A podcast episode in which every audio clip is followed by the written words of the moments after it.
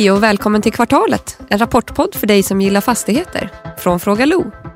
I detta avsnitt hör vi Sverker Källgården, VD för Cibus, kommentera bolagets rapport för tredje kvartalet 2022. Intervjun görs av Sverrir Tor och spelas in på Beppo.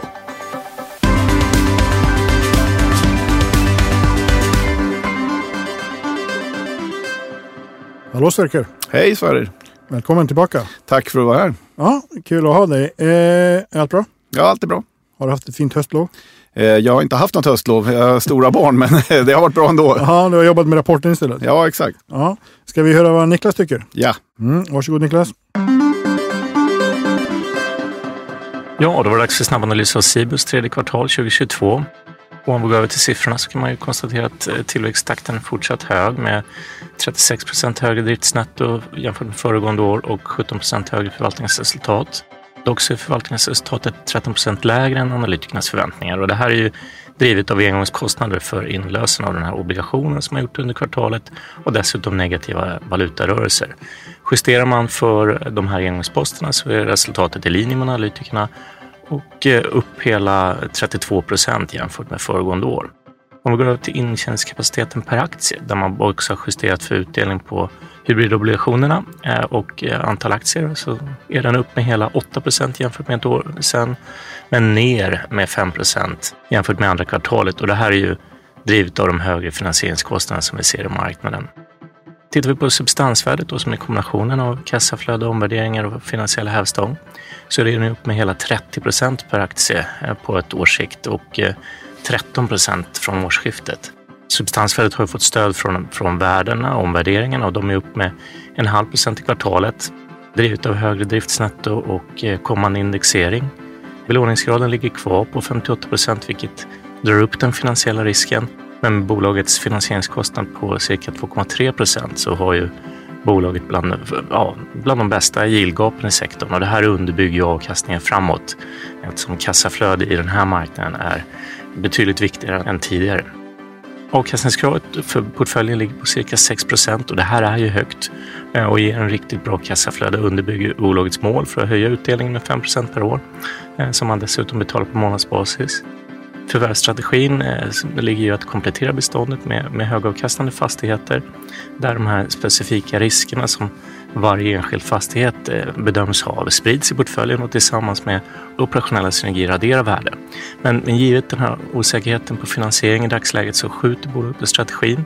Man har tidigare sagt att man ska dubbla sitt bestånd till cirka 2,5 till 3 miljarder euro fram till slutet av 2023 eh, och nu sätter man inget slutdatum. Aktien eh, stängde oförändrat på rapportdagen och värderingen i förhållande till substansvärdet har pressats. Idag ligger värderingen på 6% rabatt och det här är ju en, eh, ner från den 10-procentiga premien som man hade efter Q2 och den hela 40-procentiga premien som man hade efter Q1-rapporten. Och man, man kan säga att det här är i linje med den här generella pressen på multiplar i marknaden och handlas ju fortfarande betydligt under sitt historiska snitt på 30 procents premie, men också betydligt över vad börsen ligger på. Och i dagsläget så ligger ja, de noterade fastighetsbolagen på en rabatt på omkring 40 procent. Den högre premien mot marknaden eller en mindre rabatt underbyggs av en starkare substanstillväxt och en fortsatt riktigt bra efterfrågan av extern handel med dagligvaror på direktmarknaden. Tre negativa. Det är återigen en lite svagare rapport. Även om det är engångseffekter som, eh, som pressar så påverkar det momentum och, och sentimentet negativt. Bolaget har en hög belåningsgrad eh, på 58 procent och i den här osäkra finansieringsmarknaden med mycket fokus på utstående obligationerna så tynger det definitivt sentimentet i aktien. Och sen är det ju en, en risk för högre, att de här högre finansieringskostnaderna slår på avkastningskravet även för Cibus. Men då ska man komma ihåg att de ligger på en högre nivå än sektorsnittet redan innan. Tre positiva. Det är ett starkt eh, underliggande segment med KPI kopplat till kontrakten och hög överskottsgrad, vilket ökar visibiliteten för högre driftsnetton och därmed kassaflöden. Eh, bolaget är förvärvsdrivet och eh, har förutsättningar att utnyttja den här tuffare fastighetsmarknaden, eh, men då ligger det i sakens natur att de kan säkra finansiering eller göra emissioner. Bolaget har attraktiva yieldgap och det här underbygger avkastningen och tittar man på värderingen så kan man ju faktiskt köpa det här starka bolaget till en rabatt mot de underliggande värdena. Och eh, man ska också komma ihåg att man får en hög stabil utdelning som säkras av det starka kassaflödet. Tack för det. Eh, är du nöjd med rapporten Sverker? Jag är jättenöjd med rapporten. Mm. Varför? Nej, men det är tuffa tider och, och vi fortsätter att öka vårt eh, driftnetto och intjäningsförmågan eh, trots eh, de, de här tuffa tiderna. Så jag är väldigt nöjd. Mm. Mm. Det händer ju mycket. Ja, Eh, ni är bland de få som faktiskt går ut med affärer mm. just nu. Eh, köper. Säljer ingenting. Eh, Nej, eh, vi har inte fått... eh, Vi är ju vi, vi är ju nettoköpare av fastigheter. Vi, vi gillar ju våra fastigheter. Sen så ska vi aldrig säga aldrig. Vi, vi, det är klart att vi kan sälja om vi får ett bra bud. Men Har ni gjort det någon gång? Ja, vi har sålt någon till S-gruppen i Finland. Vi får ett bud som vi inte kan tacka nej till helt en- helt enkelt. Okej, okej. Men ni har ju fokuserat lite på andra marknader Ja. än, än Sverige framförallt. Då. Ni har ju köpt i, i Norge, i Danmark, Mm. i Finland. Mm. Eh, ni har också tillträtt en fastighet i Sverige men ni har inte köpt någon. Nej, nej, precis. Eh, Fördelen, men vi finns ju på fyra marknader nu. Eh, Fördelen med det, det är att vi kan sätta våra pengar eller göra våra investeringar där vi tjänar bäst, eh, där vi får bäst avkastning för våra aktieägare helt enkelt. Mm. Det innebär att vi kan, har vi tillfälle, får vi tillfälle i Norge på att göra en bra affär, då sätter vi pengarna där och, och vice versa i Danmark och, och Finland och Sverige. Så vi är inte styrda att vi, ska, att vi måste växa i ett specifikt land, utan vi gör affärer där, där våra aktieägare tjänar mest. Mm. En, sak, en sak som jag blev lite sådär eh, nyfiken på, eller fundersam, jag vet inte vilket som är rätt ord. Men ni, ni köper i Nordnorge två fastigheter. Ja. Vad ska man säga? eh, Stordriftsfördelar eller synergier i förvaltning. Eh, blev jag lite sådär, började tänka på. Hur, hur liksom, nu förstår jag att ni inte förvaltar själva Nej. tekniskt. Men, men behöver ni då köpa på marknader där Newsec finns eller vilka ni, vilka ni nu, nu än har? Nej, nej, absolut inte. Utan eh, även de stora, vi, vi har eh, Malling i, i, i Norge som våran service provider. Eh, ingen av de stora har 100% täckning utan de tecknar i sin tur avtal med lokala eh, fastighetsskötare helt enkelt som Okej. sköter förvaltningen där uppe. Så, så det är inget problem. Och, och, en anledning till att vi köpte i Nordnorge det är att det är en väl fungerande marknad och vi fick väldigt långa hyresavtal på nybyggda fastigheter. Eh, Norge har ju en, en landsbygd som fungerar på ett helt annat sätt än vad, vad Sverige och Finland har. Det, norra Norge lever i allra högsta grad. Mm. För det jag tänkte var liksom, det, det är inte någon som åker upp från Rovaniemi till Kirkenes bara för att fixa liksom, Nej, en, en kyl eller så. Nej och det här, var, det här var på Lofoten så det är ganska nära. Det, det, är, det är välbebodda områden. Okej, okej. Eh, men, men just Norge, vi pratar ju ofta om, om, om Sverige som ett avlångt land. Norge är ju ännu längre. Ja. Eh, alltså, ändå att få upp den här kritiska massan i, i kluster. Är det liksom en strategi eller, eller är det, kan man plocka körsbären lite var som helst? Ja, det går ju. För, för den här typen av fastigheter, det, det fina i kråksången med dem, det är att de är oftast eh, väldigt lika varandra och det är samma typer av hyresgäster. Så hittar du en förvaltning eh, och får till ett nätverk så, så att addera en ny fastighet är egentligen bara en ny kolumn i ett Excel-ark och, och sen så, så eh, fortsätta köra med sin personal för de känner typen av fastigheter och de känner hyresgästerna så väldigt väl. Mm, mm. Bra. Eh, jag tänkte, det var faktiskt när jag läste på rapporten och då satt jag med min kollega Linda och, och då sa jag till henne, det var en, en mening i, i ditt vd-ord som, som stack lite ut och jag tänkte, här, om man skulle dra den på fyllan då skulle den få en smäll. och det var den här liksom, vår underliggande verksamhet går bra. Våra hyresgäster har lyckats få ut kostnadshöjningar till sina, till sina kunder. Mm. Och det är ju, det är ju vad, vad som är inflation. Ja. Här står du och hyllar inflationen som hela branschen står och darrar över. Ja, absolut inte, men, men eh, om, om vi ska prata säkerhet och säkerhet för våra aktieägare så gäller det ju att våra hyresgäster har betalningsförmåga. Eh, om de inte skulle kunna få ut kostnadshöjningar från sina kunder så skulle de ju ätas från två håll så att säga. De får hyran med inflation eh, med, med, med CPI eller KPI-höjningen och dessutom inte kunna få ut kostnader till sina kunder så då skulle det bli dubbelt jobbigt. I det här fallet så klarar de av det, att eh, eh, de får en högre intäkt så att säga eller de, de kan ta betalt för inflationen och därmed kan de betala sina hyror. Mm. Samtidigt så är det ju det som driver inflationen. Om man, om man, alltså, jag, jag kritiserar inte. Jag Nej, bara både liksom och är det. det. är En del av det är det absolut. Ja. Mm. Ni, ni är ju på, som du har själva varit inne på, ni är på kanske det säkraste segmentet som finns. Folk kommer att behöva äta. Mm. Eh, och vad, vad du brukar säga, äter man här om tio år också? Ja, nej men precis. Vill man göra en riskanalys på Cibus så kan man ställa sig själv frågan att kommer jag köpa mat om 10-20 år? Ja, mm. sannolikt. Mm. Om ingen har kommit på någon mirakelpiller. Mm. Eh, och om jag bor kvar i samma fastighet som jag bor idag, kommer jag handla i samma butik? Ja, sannolikt för man är en vanlig människa. Och mm. där har du riskanalysen. Mm. Mm.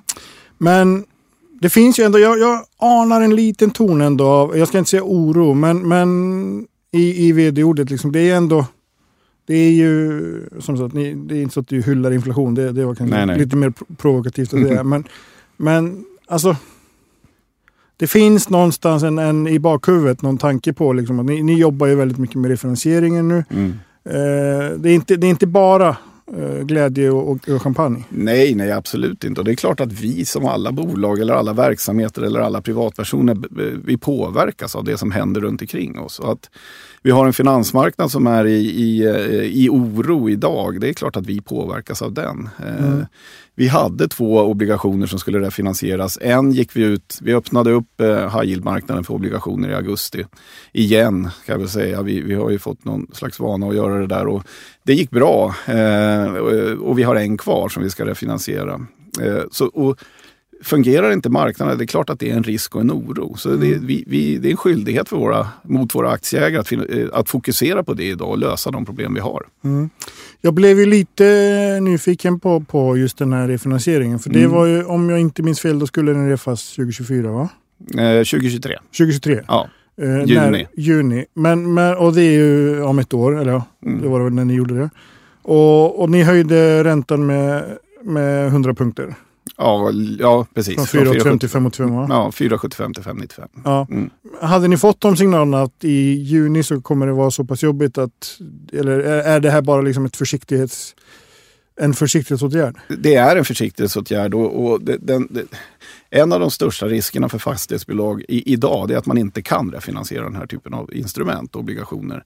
Vi vet att vi har ett starkt namn i obligationsmarknaden. Eh, vi har öppnat upp marknaderna förut under corona till exempel i, i eh, juni 2020 när vi gjorde den här eh, ursprungsobligationen. Eh, så när vi fick signalerna från bankerna i, eh, efter sommaren där att det finns ett fönster, då valde vi att gå ut och testa mm. mark den marknaden. Och med facit i hand så eh, allt är ju relativt. Vi, vi fick en högre eh, ränta på den men tittar man på vad som har hänt efter så är den en, den lägsta hittills. Okej, okay, okay, för det är så. Det är ju bolag som har... MP3 har ju gått ut och tagit in pengar. Mm. KRM har gått ut och backat. Mm. Eh, det är ju som du säger, det är, liksom, det är, det är en oro i marknaden. Ja. Hade ni inte kunnat refat det här i bank till en lägre kostnad? Ja, men man måste förstå hur det fungerar. Banker vill ha säkerställning, eller de vill ha säkerhet för sina lån. Eh, vi har idag en, en LTV, alltså en, en, belånings, en säkerställd belåningsgrad på 46 procent tror jag det är. Mm. Eh, det är klart att det finns ett utrymme där upp till 50, men Ska jag utöka det lånet jag har mot banken så vill ju de att jag ska köpa fastigheter för dem och få dem i säkerhet så att säga. Så, så det är inte helt enkelt utan deras första eh, eh, deras ursprungstanke och deras önskan är att man ska ersätta en obligation med en obligation. Går inte det får vi vända oss till banken. Okej, okay, okej. Okay. Men, men vi, Cibus återigen, vi visar styrka och eh, vi klarar av att öppna en marknad. Så, så vi är jätteglada för det. Mm. Är det alltid optimalt att gå i bräschen? På det sättet? Eh, Säkert inte, men hittills har det varit lyckosamt för oss. Okej, okay, okej. Okay. Eh, ni gick i bräschen för, eh, tillsammans med, med vår vän Ilja mm. för, för månadsutdelning. Mm. Eh, nu, nu är det ju rätt stor press på, på vissa bolag att slopa utdelningen. Hur mm. tänker ni kring det? Nej, men vi är ett utdelningsbolag i grund och botten och vi har otroligt säkra kassaflöden i och med att vi, den, den verksamhet vi har som hyresgäster. Så, eh, så länge inget extraordinärt händer så kommer vi fortsätta med vår utdelning. Okej. Okay, okay. eh, om man tittar framåt på, på tillväxten. Eh, du nämner ju faktiskt i vd-ordet att, att eh, också investment grade-stämpeln som är ju ett mål för er. Mm. Uh, ni, du säger att ni öppnar ju high, high yield-marknaden. Ni mm. är inte fortfarande inte på, liksom, på IG-marknaden som det kallas. Nej. Uh, du nämner att det, den, den skjuts på framtiden tills, tills uh, formuleringen någonting att, att liksom det är lugnare. Ja, framförallt att marknaden har stabiliserats. För, mm. för det stora problemet idag det är att eh, varken investerare eller analytiker vet åt vilket håll det går. Eh, om räntan bara stannar så att den håller sig på en nivå, oavsett om den är hög eller låg, så blir det mycket lugnare och då kan marknaderna börja fungera. För eh, det största risken en, en eh, obligationsinvesterare tar det är att den kommer ut en obligation på marknaden och så kan man inte prissätta den för man vet inte vad räntan är om tre eller sex eller, eh, månader eller ett år. Bara det stabiliserar sig på en nivå, då kommer marknaden att börja funka igen. Och det är det vi menar med stabilisering. Okej. Okay. Eh, vad, vad, behöver ni för att få en investment grade? Alltså vad, vad behöver ni göra internt i bolaget? Först måste vi växa. Vi är för små eh, än så länge. Så vi måste, vi måste ha en portfölj eh, som är värd någonstans vår, där vår målsättning är runt kanske 2,5 miljard euro, 25 mm. miljarder eh, SEK. Mm. Eh, därefter så, så, måste vi jobba med vår belåningsgrad och få ner den till runt 50 procent. Den inte säkerställda utan den generella? Den totala, ja. ja. Och sen så måste man ha eh, icke säkerställda fastigheter som en säkerhet så att säga för, för fluktuation. Så det är ett jobb att göra. Eh, nu då när inte marknaderna fungerar och vi kan varken växa eller strukturera vårt kapital så, så det är därför vi har skjutit målet på framtiden helt enkelt. Okay. Har du någon form av uh, guidning på vad framtiden betyder? Eh, nej, för jag kan tyvärr inte säga när marknaderna stabiliseras igen. Någon gång mellan nu och 2100? Ja, exakt. Okay. Det, kan, det, det, det, kan jag väl hålla med om. Men eh, förhoppningsvis så snart som möjligt. Okej, okay, okay, Det finns ju andra marknader än bara eurobondmarknaden eller, eller, eller SEK. Och ni, du, skriver i vd-ordet, tycker jag är lite kul, IBOR-räntor. Mm. Eh, man pratar gärna om STIBOR eller LIBOR. Mm. Men IBOR är ju inte, inte bankräntorna. Nej, utan det är styrräntorna. Oavsett marknad. Ja. Ja. Eh, har ni liksom funderat på andra marknader än, än euro eller, eller SEK? Eh, ja, vi är ju NOK och DKK också. Nu är ju danska kronan peggad mot euron. Mm. Så mm. Man kan väl säga att det är euro. Kör ni, ni kör inte realkredit? Danska realkrediter? Jo, det gör ni också? det har vi absolut. Vi har realkreditlån i Danmark och det är ju en av anledningarna till att Danmark är så attraktivt för oss att, vara. För det är lägre marginal på de, mm. de eh, lånen. Okej, okay, okay. Det var en sak som jag reagerade på också och det är ju den här, eh, ni gjorde ju, som sagt, ni har gjort lite eh, styckesaffärer mm. eh, i Danmark, Finland, Norge mm. till 30 fastighet i Sverige. Som var betydligt dyrare eh, sett till, liksom, den var ju 110 miljoner kontra då, eh, 10 miljoner ja. ungefär i de andra. Eh, det är inte så Sverige dyrare förstår jag. Vad, vad, liksom, vad, vad hände här? Nej, men den här, det är en, en helt ny fastighet som vi tillträdde i Alu strax norr om Göteborg. Den här affären gjordes upp för ett år sedan och sen har den byggts eh, under tiden. Och nu var den klar och Willys har flyttat in och haft eh, invigning och vi tillträdde den helt enkelt. Så det, det, det är den enda anledningen. Okay. Eh, om man tittar på tillväxt, vi har pratat om tillväxtstrategin, vi har pratat om till och med om Island där, där ni inte kommer vara. Men är det liksom det är ju väldigt mycket Danmark och, och, Norge nu. Du säger Danmark är attraktivt på grund av realkrediterna. Mm. Är, det liksom, är det där fokus kommer ligga närmaste under en, tills det stabiliserar sig om man säger så? Ja, vi kommer att ha fokus på alla våra fyra hemmamarknader och, och det, jag skulle säga att det bara är tillfälligheter att det är just Norge och Danmark som, som vi har gjort förvärven nu, ett i Sverige i och för sig. Eh, det kan lika gärna ske i Finland som, som, som någon av de andra länderna. Mm. Men ni börjar inte blicka söderut? Eh, inte just nu, utan vad vi har fokus på nu det är dels att refinansiera den återstående skulden vi har att göra och, och sen så vi har ett stort ESG-fokus också där vi, där vi jobbar och, och, tittar över vår portfölj, hur vi ska kunna energieffektivisera den och framförallt hur vi ska kunna ge våra hyresgäster möjligheten att köpa grönare el framöver. Mm.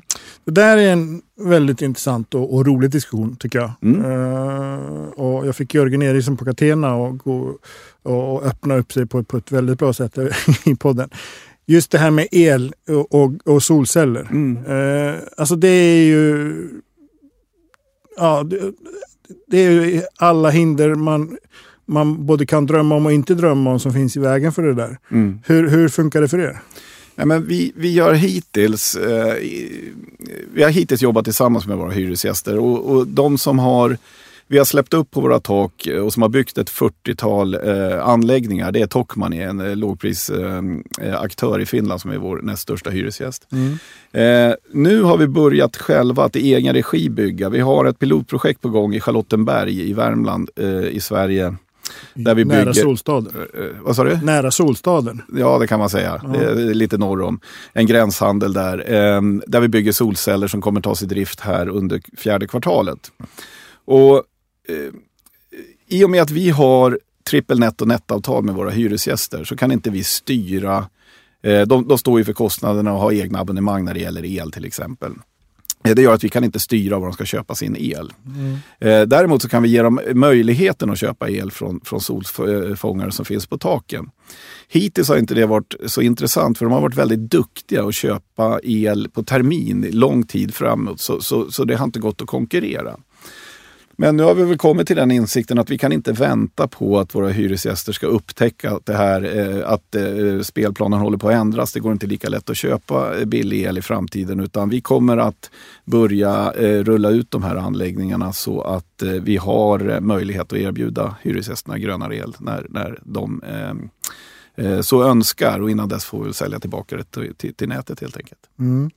Eh, vad pratar vi om för investeringsvolymer?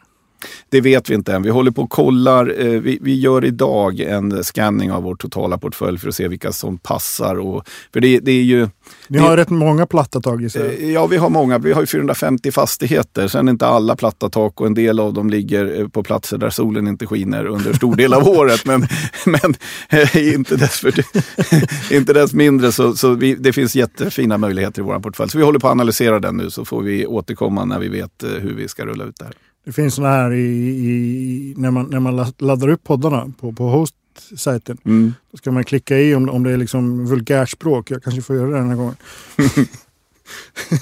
för det här avsnittet. Men, eh, för det här är ju liksom, men, men alltså det finns ju så jäkla många, ursäkta språket, regelverk. Det finns, eh, man måste ändra bolagsordningen, man måste liksom, eh, det finns ju olika kommunala och regionala och nationella hinder i vägen. Mm. Jag menar, I Sverige har man ju bestämt sig nu för att man ska satsa på kärnkraft om tio år. Mm.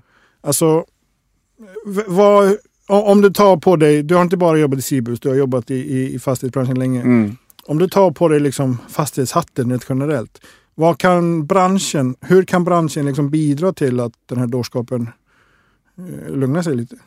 Ja, men, vi- måste vara nyfikna på innovationer. Eh, det finns fasader idag som är ett jättebra eh, komplement till solceller, som är solceller helt enkelt. Och i, jag lyssnade på ett föredrag eh, att i framtiden så kommer våra kläder vara solceller som laddar mobiler om du lägger ner mobilen i fickan. Och, och, och det är den här typen av innovation som vi måste eh, anamma och, och, och eh, och, och verkligen prova. För eh, om vi kommer fram till att det, det är så pass effektivt och vi kan producera så mycket energi så att vi slipper kärnkraften så är väl det positivt. Eh, Men, men som du säger, regelverket gör det inte helt enkelt. Nej, nej. Så är det. Så är det. Men eh, det är dags att börja runda av faktiskt. Vilket är lite tråkigt för det här är kul. Mm. Eh, men ni har som sagt ni har en, en affär som är, eh, som är långsamt hållbar. Men om vi tittar liksom ändå. Det, det är ju... Vi lever i en, en orolig tid. Det är inte bara inflation utan det är liksom det är krig, det Mm. är... eh, Nu verkar ju ändå den här, den värsta galenskapen i USA vara avstyrd. Mm. Men, Bra för den här gången. ja, precis. Men, men vad är liksom... Vad är det som håller dig vaken på nätterna om man säger så? Utifrån både Sibus perspektiv och branschperspektiv. Ja, men branschperspektiv är väl... Fastighetsbranschen är ju upp och ner. Det, har gått upp, upp, upp i många år. Och, och eh, Det kommer säkert tyvärr finnas kollegor eller eh, företag som kommer få det jobbigt framöver med stigande räntor och, och, och eh, sänkta fastighetsvärderingar. Jag hoppas innerligt att alla klarar sig men, men eh, det kommer nog bli lite jobbigt framöver. Eh, så, så det är väl någonting som, som jag oroar mig över. Och, och sen att ehm, eh, omvärlden gör att eh, det aldrig stabiliseras. Det skulle vara otroligt tråkigt eh, och, och, och jobbigt att ha att göra med. Men, utan, eh, vi får hoppas att det blir stabilt och att eh, kriget i Ukraina tar slut eh, så snart som möjligt så att vi kan eh, gå tillbaka till och, och, och ha någon form av normal vardag. Och framförallt där nere, för de som bor där. Mm, mm. Bra, det är from your, from your lips to God's ears som man brukar säga, Ja. apropå USA. Men Alla får en, en sista fråga. Har du koll på den? Har du lyssnat på poddarna? Eh, ja, ja, inte alla, men eh, många av dem. Ja, glaset. Är det halvfullt eller halvtomt? Eh, det är alltid halvfullt. Härligt. Det är ganska bra. Det är bra. Branschen är halvfull. Ja, Ja, toppen. Mm. Tack. tack ska du ha. Och tack för att ni har lyssnat.